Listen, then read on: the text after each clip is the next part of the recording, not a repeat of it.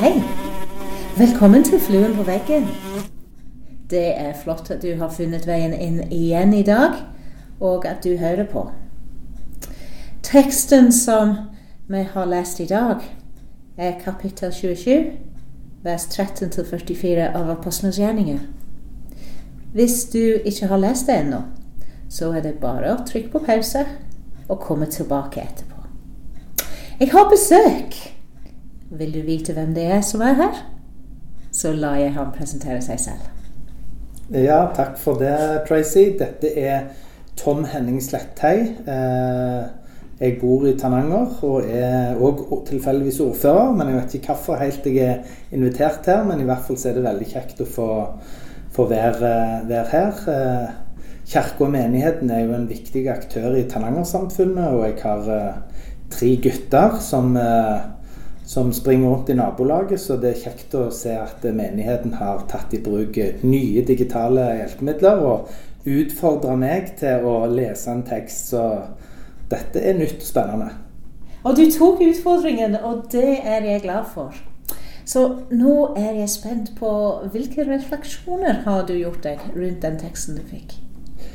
Ja, det, det, det var jo en, en oppgave som som var lest teksten, og at vi skulle ha en drøs rundt den. Så jeg har, jeg har grubla litt på hvordan jeg skulle angripe denne utfordringen.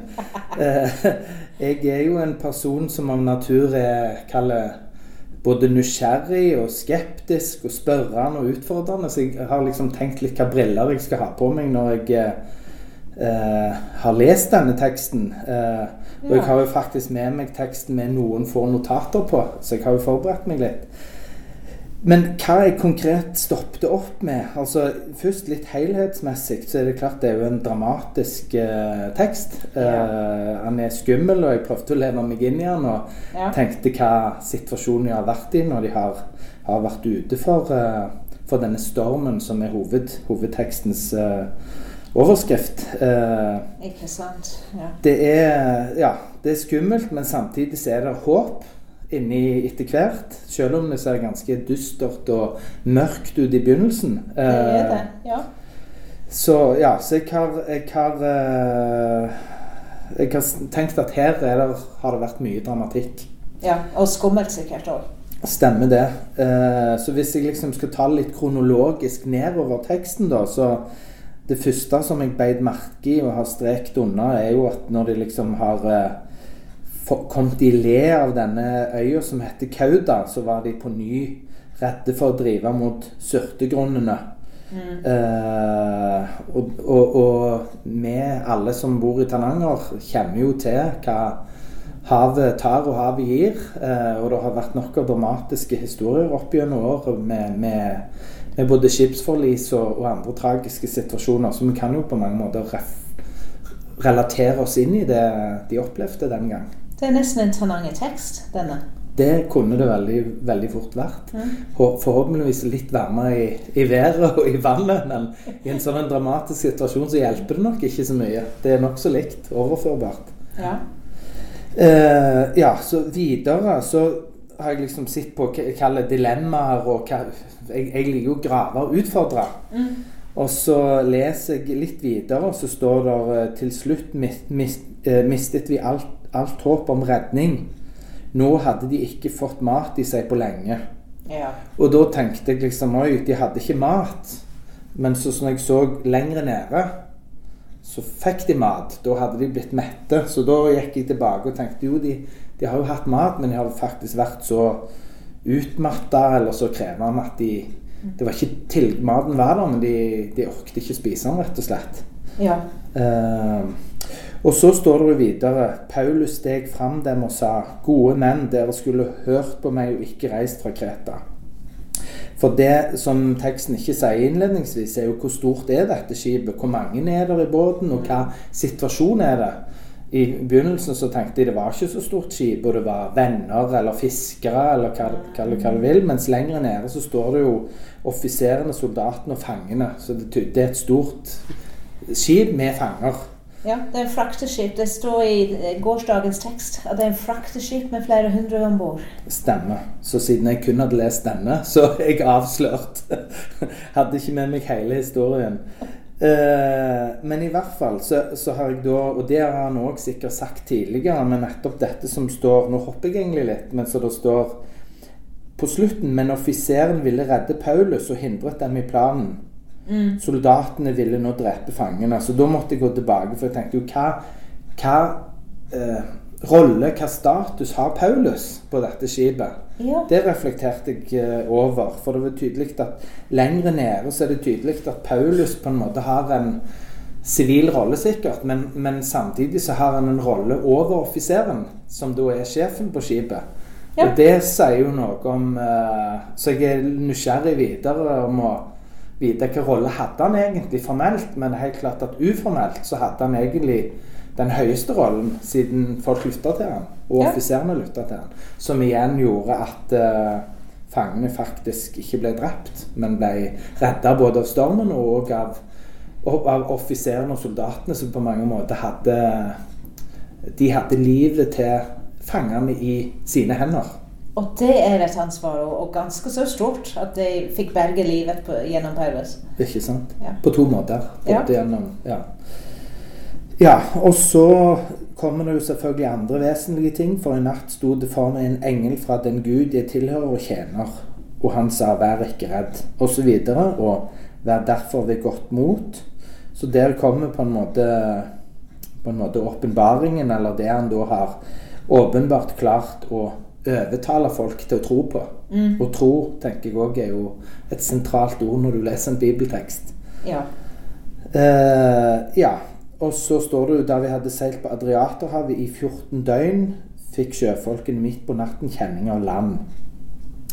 Uh, og så kom det et nytt problem opp når de var, hadde vært i, i det øde. Så var de Neste fare var jo da å bli knust mot klippene og, og kastet fire ankre. Så det var ulike dramatiske oppspill. Du gikk fra den ene dramatikken til den andre. ja. De står nesten i kø. Ja, rett og slett. Som livet ofte òg byr på. Det er Ja. det vi sier, at en ulykke kommer sjelden alene. Så hvis en eh, har eh, hatt personlige utfordringer, så føler en liksom gjerne at livet byr på mye motgang i, i tider. Og alt på en gang ofte. Ja, det er sant. Eh, ja, så skal vi se Og de kaster anker. Og de ønsker bare at det måtte bli dag.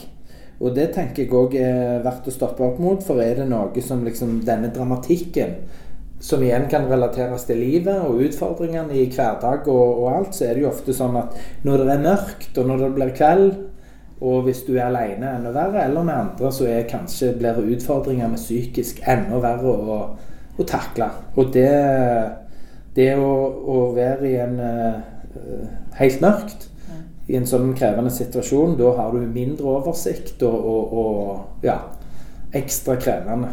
Ja, det er helt sant. Eh, så var det Ja. Da sa Paulus til offiseren og soldatene hvis ikke de, disse menneskene blir Mennene unnskyld, blir værende om bord, kan dere ikke bli reddet. Da kappet soldatene tauene som holdt skipsbåtene, og lot den drive av.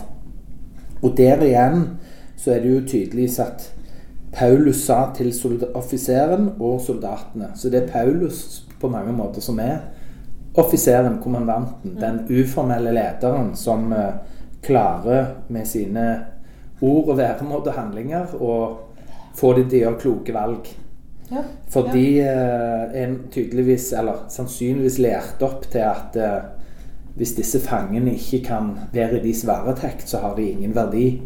Og da er det, da er det, da er det bedre at de ikke lever mer. Mm. Og det er jo òg grunn til å reflektere over. Ja, ikke sant.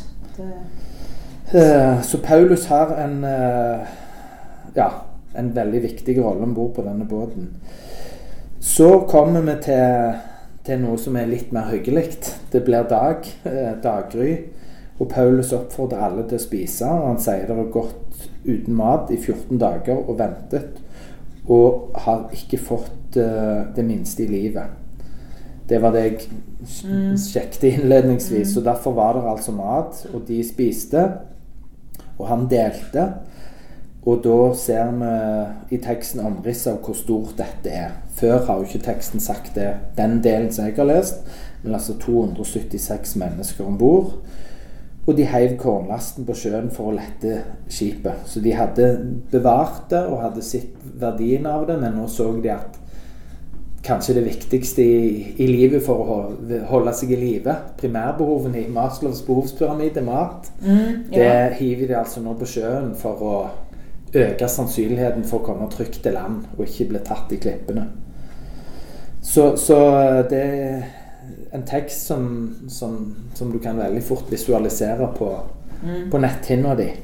Ja, og det, det, jeg lurer på, er Har det noe å si til oss i dag, annet enn at det er en, en, god historie som har flere lag med spenning? Men kan vi ta noe med oss i dag fra den teksten?